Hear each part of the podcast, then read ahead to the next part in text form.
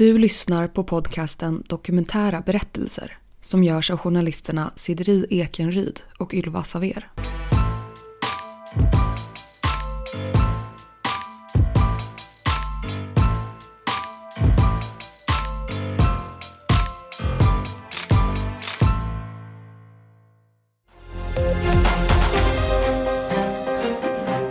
Now, given that it's February the 14th, this seems a fair question. How far would you go? How high would you climb for your Valentine? Vi hör ett klipp från BBC World från Alla hjärtans dag.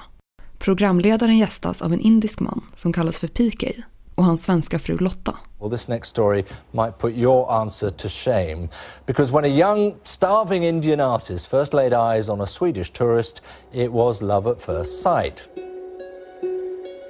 Deras berättelse är en otrolig kärlekshistoria som förfört människor runt om i hela världen. Jag har aldrig sagt till någon kvinna så samma sätt som jag gjorde mot henne. Jag sa att det är bästan till himlen att you will be my wife, jag sa.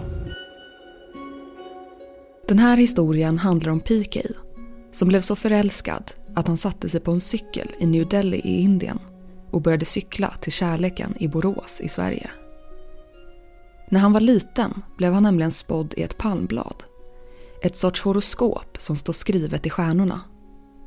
Han ska gifta sig med en utländsk kvinna som är född i oxens tecken. Det är som att vi verkligen känner oss sammansmälta med den här andra personen. Men vad är egentligen förälskelse? Och varför verkar bara vissa relationer hålla livet ut? I avsnittet hör vi också beteendevetaren och parterapeuten Håkan Mattsson om kärlek. Och det är också många gånger som är min erfarenhet att vi tar många stora beslut. Vi kan ju till och med få den här känslan av att vi är beredda att offra väldigt mycket för just den här andra personen.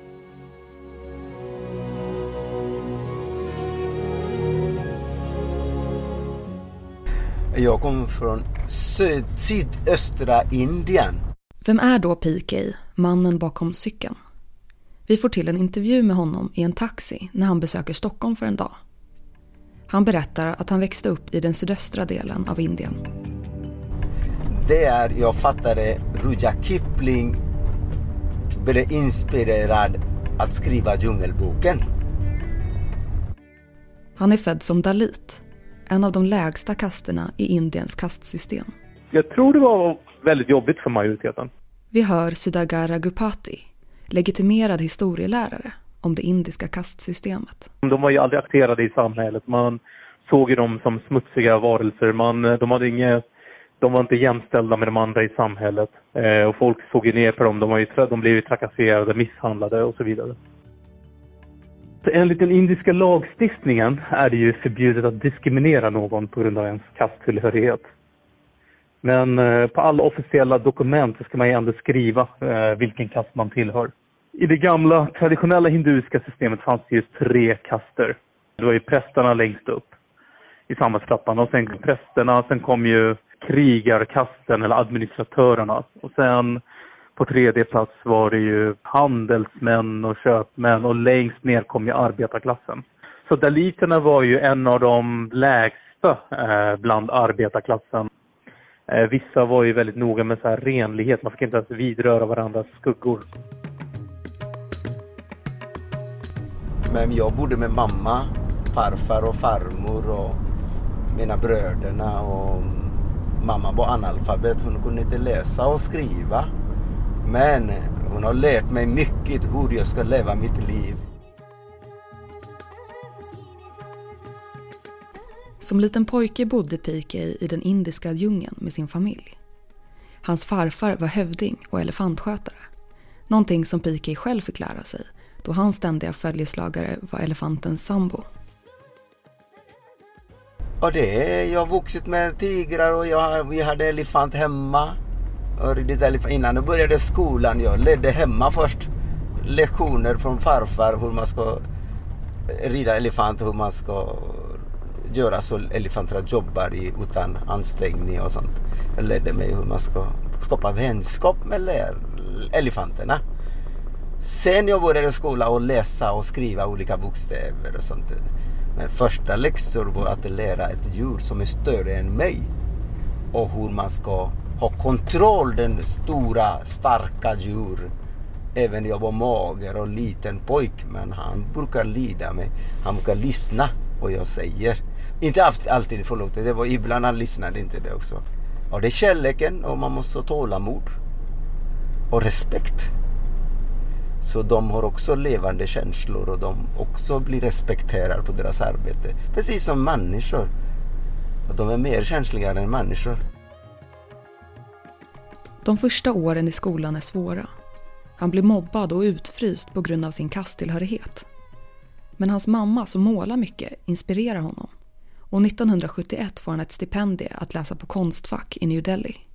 New Delhi till min by, du vet, det är samma som Stockholm till Rom. Och jag åkte ensam dit därför jag fick en stipendium att gå på Konstfack. Att bli teckningslärare.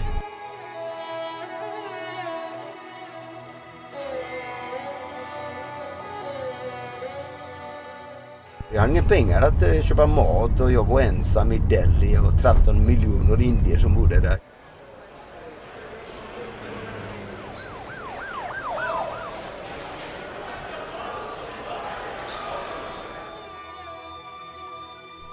På grund av korruption hamnar stipendiepengarna på annat håll.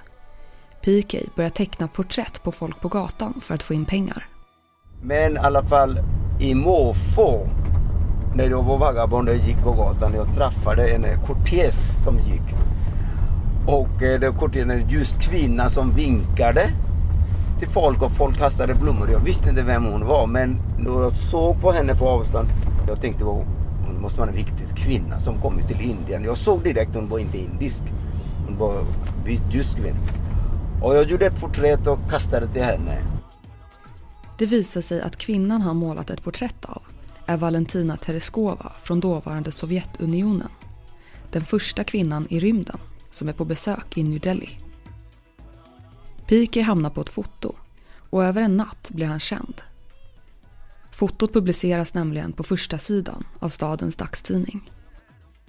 Tack vare att han gjort sig ett namn får han numera måla turistporträtt på torget i området Connaught Place. Han säljer porträtten för 10 rupier styck en summa som då motsvarade ungefär två kronor. En dag kommer det fram en blond kvinna med blå ögon som undrar om han kan teckna hennes porträtt. Hon kom och ville att jag ska måla henne. Jag gjorde första porträttet när jag gjorde porträtt. Det var hände lite konstiga saker i kroppen. Att jag blev tyngdlös. Ja, jag såg hennes blå ögon. Hon hade blond hår. Hon hade, och eh, hon tittar inte på mig. Jag upplevde hon tittar i mig. Du vet sån här röntgenmaskin du vet i lasarett. Jag upplevde hennes ögon som fotograferar inne i min kropp. Och jag blev nervös. Men i alla fall jag ritade henne. Förälskelse är ju det här tillståndet som man drabbas av då och då i livet. Vi har Håkan Mattsson igen. Och som också, tänker jag till skillnad mot kärleken, som du kan drabbas av väldigt många gånger. Jag brukar ibland dela upp det så här när jag pratar med, med eh, de människor jag möter. Att eh, eh, alla människor känner attraktion så till, till människor, det gör vi nästan till vardags. Eh, förälskade blir vi i ett mindre antal och djupare kärlek utvecklar vi eh, oftast till endast några få människor. Eh, så att jag tänker att förälskelse är ju på något vis den här lusten eh, till någon annan person eh, och som vi sen prövar eh, för att se om den är möjlig till att fördjupa i en mer långvarig relation som då kan utveckla någon form av kärlek. Men jag hade långt hippiehår den tiden. Alla killar hade långt hår. Och jag upplevde att håret lyfter upp bara. Men det blåste ingenting. Jag tänkte vad konstigt, blåser inte håret reser sig? Konstigt. I förälskelsefasen, där är det ju väldigt mycket eh, såklart eh, om man säger så, kemiska processer som, som pågår. Bland annat så eh, frigörs ju oxytocinet, det här med, som också finns mellan eh, en, en mamma och ett barn när barnet föds. För den delen. Eh, det framkommer ju väldigt mycket i i, i förälskelsefasen. Så att det gör ju att vi vill och vi har en stark längtan till då att knyta an till någon annan för att på något vis sammansmälta. Och då hjälper det eh, endorfiner till att göra det. Så att på det sättet så blir det en väldigt stor kroppslig sensation. Jag tror de flesta kan känna igen sig i att man kan bli upplevelsen av att bli väldigt euforisk eh, just i en förälskelsefas.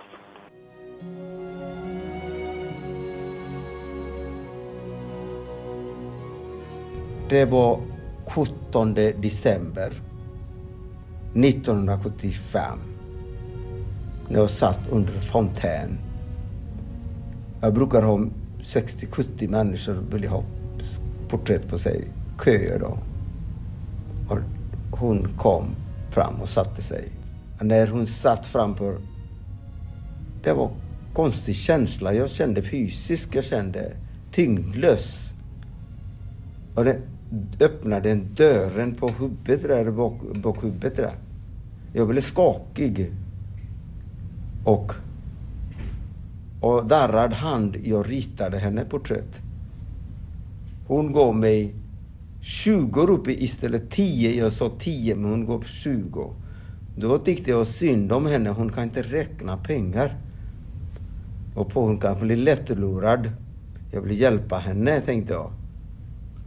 Men samma sak hände på nästa dag när jag skulle göra porträtt också. Gav. Men jag lämnade tillbaka pengarna. 10 kronor.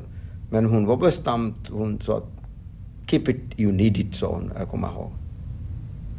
Och det var inte jag som tolkade fel och hon vill ge därför hon är glad och nöjd. Som jag var inte van folk ger mig extra än man säger. Och, Eh, och så tredje gången jag träffade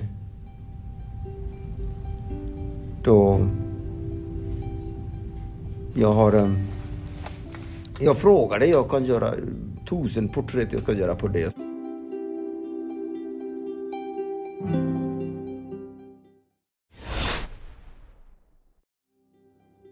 Det är ju ett tillstånd där vi människor också eh, på något vis tror att vi har mött den rätte personen.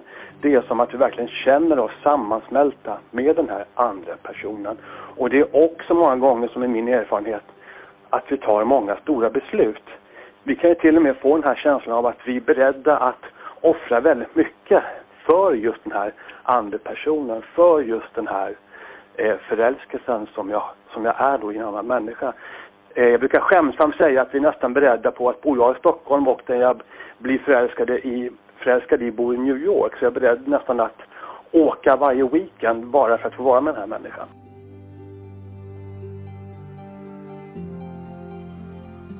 Pike känner omedelbart en stark förälskelse till den blonda kvinnan. Det visar sig att hon heter Lotta och kommer från Sverige. Och någonstans i bakhuvudet har han det horoskop som han en gång fick höra. Det som beskrev hans framtida fru. Jag vill börja på om jag får fråga lite personliga frågor till henne. Då hon... Eh, yes, you can ask, sa hon.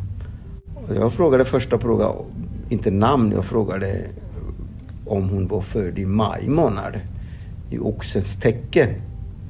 Och när hon sa yes, då visste jag att det måste vara den som eh, profetie mamma har sagt, eller horoskopet står där. Jag har aldrig sagt till någon kvinna så samma sätt som jag gjorde mot henne. Jag sa att det är bestämt i himlen att you will be my wife, jag sa. Jag sa och sen blev samtidigt blev rädd, hon ska polisanmäla mig tänkte jag. Och eh, sen efter en liten stund, jag kommer ihåg, så hon sa, vad sa du? sa hon. Så jag hade ingen kurage kvar, men ändå jag kunde upprepa samma mening. Att du ska bli min fru. Ingen kan förändra. Du kan inte förändra, eller jag kan. Det är bestämt i himlen. Och, och sen hon sa, vad ska vi göra nu? sa hon. Då jag tänkte, vad ska vi göra nu? säger hon. Då betyder hon inkluderar mig då. Och då jag sa vi ska åka hem. Var? Och sen jag visade vi ska... Just follow me, sa jag. Så hon sa, before I follow you, you follow to the parking, sa hon till mig. Så hon lämnade nyckel till kompisarna, en komp eh, andra som var där, en familj. Och nycklar och sen hon åkte med mig på tåget tre dagar, tre dygn eh, till Orissa, östkusten. De reser tillsammans till hans hemby på Indiens östkust. I en traditionell ceremoni gifter de sig. Men efter tre veckor måste Lotta åka hem till Sverige igen. Ja, väldigt saknade henne. När saknaden var väldigt stor, då sålde jag allt jag ägde och köpte en cykel. Jag visste flygplan, det uteslutet, jag hade inte råd. Den tiden förmögen det kostade. Om jag ska generalisera lite, att det finns en benägenhet att vilja mycket just i den här sammansmältningen. Vi vill flytta ihop, vi vill skaffa barn, vi vill se världen, vi vill eh, uppleva saker och ting. Vi vill, vi vill liksom ha, skapa den här drömvärlden, den här illusionen om den här framtiden tillsammans. Och för många par och människor som lever i relation eh, så kan ju det gå alldeles utmärkt. Medan för andra eh, kan det bli väldigt omtumlande när sen förälskelsefasen börjar lägga sig. Eh, för det gör det ju efter en tid. Och då ser vi livet lite annorlunda. Just när eh, de här endorfinerna eh, börjar sjunka lite om man säger så. Man brukar ju skämsamt säga att skulle vi vara förälskade eh, hela tiden så skulle vi nästintill dö av stress.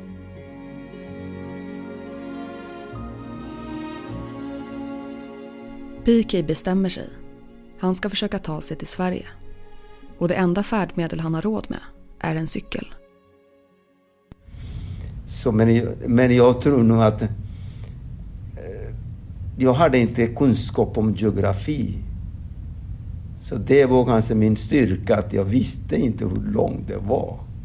Skulle jag veta, jag tror inte jag skulle våga ens lämna landet.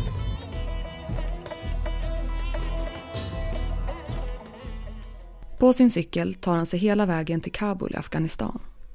Där blir han vittne till en bilolycka där en ung kvinna blir skadad. Han hjälper henne och det visar sig att hon jobbar på ett konstgalleri. Som tack får han en tågbiljett från Istanbul till Wien. Och när jag öppnade en tågbiljett på Istanbul, Welcome to Vienna, så då jag utnyttjade, sålde cykel eh, i Istanbul. Från Istanbul, jag tog tågbiljett som jag fick. PK lär känna en konsthandlare som köper några av hans tavlor. Mannen och hans fru hjälper honom ytterligare ett steg på vägen. De ger honom en tågbiljett till Göteborg. Det konstgalleriägares fru och den goda vänner, de köpte några tavlor. Sen de som gav också en biljett till mig.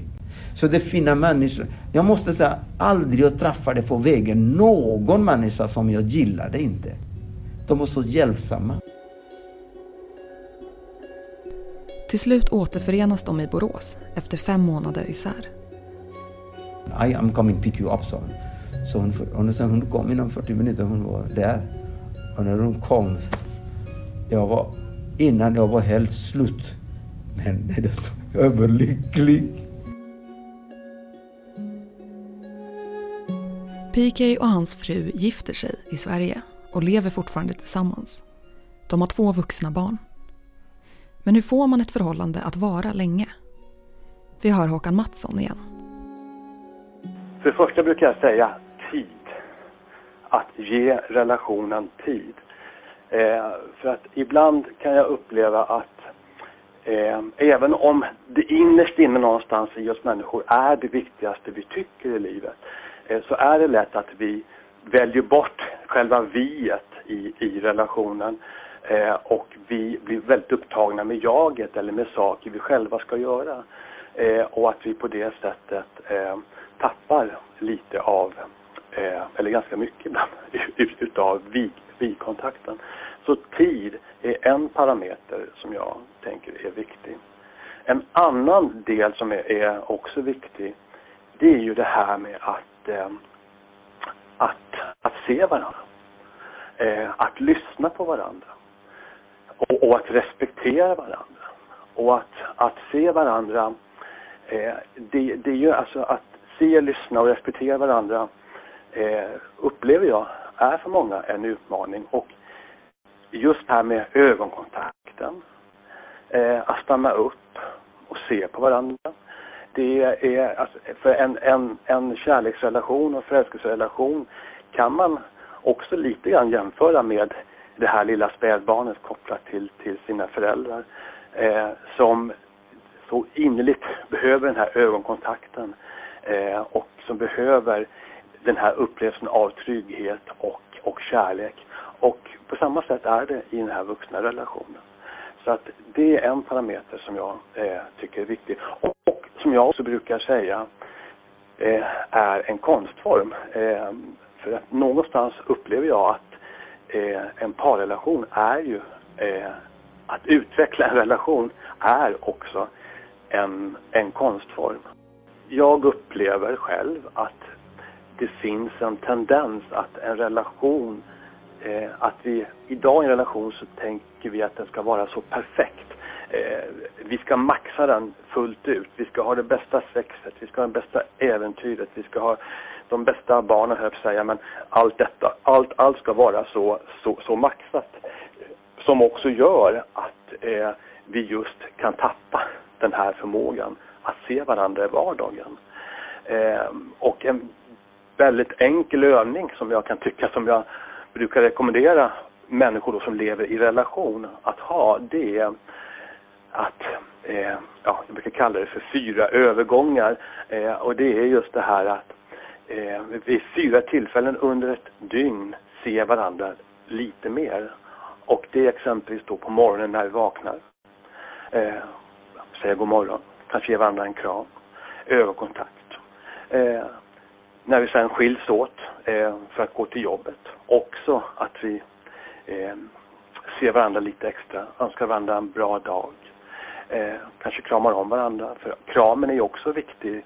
Kramen frigör ju också oxytocinet. Så om vi kramas lite längre och inte bara en flyktig kram utan håller i varandra något. Eh, också sen när vi kommer hem efter en arbetsdag så vet vi ju inte riktigt vad den andra partnern bär med sig där kan jag uppleva ibland att det kan också uppstå en friktion. Det kan ju vara så att den ena parten kommer hem och upplever wow, gud vilken fantastisk dag jag har haft. Åh, jag längtar hem till, till, till min sambo eller min partner. Åh, ikväll vill jag göra det här och det här och det här och det här. Medan den andra parten då eh, har en precis motsatt dag och den har varit förfärlig och vill hem, egentligen bara komma hem och gå lägga sig eller eh, ta ett varmt bad eller ut och ta en träningsrunda. Eh, och där finns det också en stor risk att det kan bli en krock i, i en relation. Eh, så att också där Eh, stanna upp lite när vi kommer hem. Ge varandra den här, någon liten minut eller några minuter. Stanna upp, se varandra, ge varandra en, en kram. Eh, och stämma av lite grann. Hur, hur har dagen varit?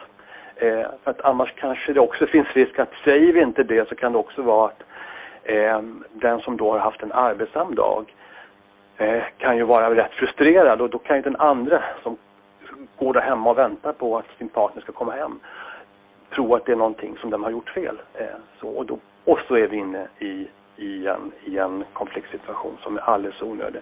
Så just stanna upp även där och bara ge varandra, ja, så här min dag varit, din dag varit, det här skulle jag önska nu under kvällen och det här skulle jag önska nu under kvällen. Och ytterligare en fjärde övergång då, det är ju inför natten också att, att vi gör ett fint avslut på dagen och ser varandra lite extra. Så det är inte så mycket tid man behöver lägga eh, på just de här fyra övergångarna men de är oerhört viktiga och jag skulle säga att det är grunden för, för att lyckas också hålla en relation.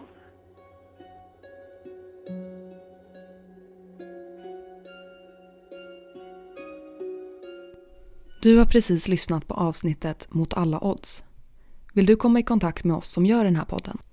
Maila då till kunskapsstudion gmail.com.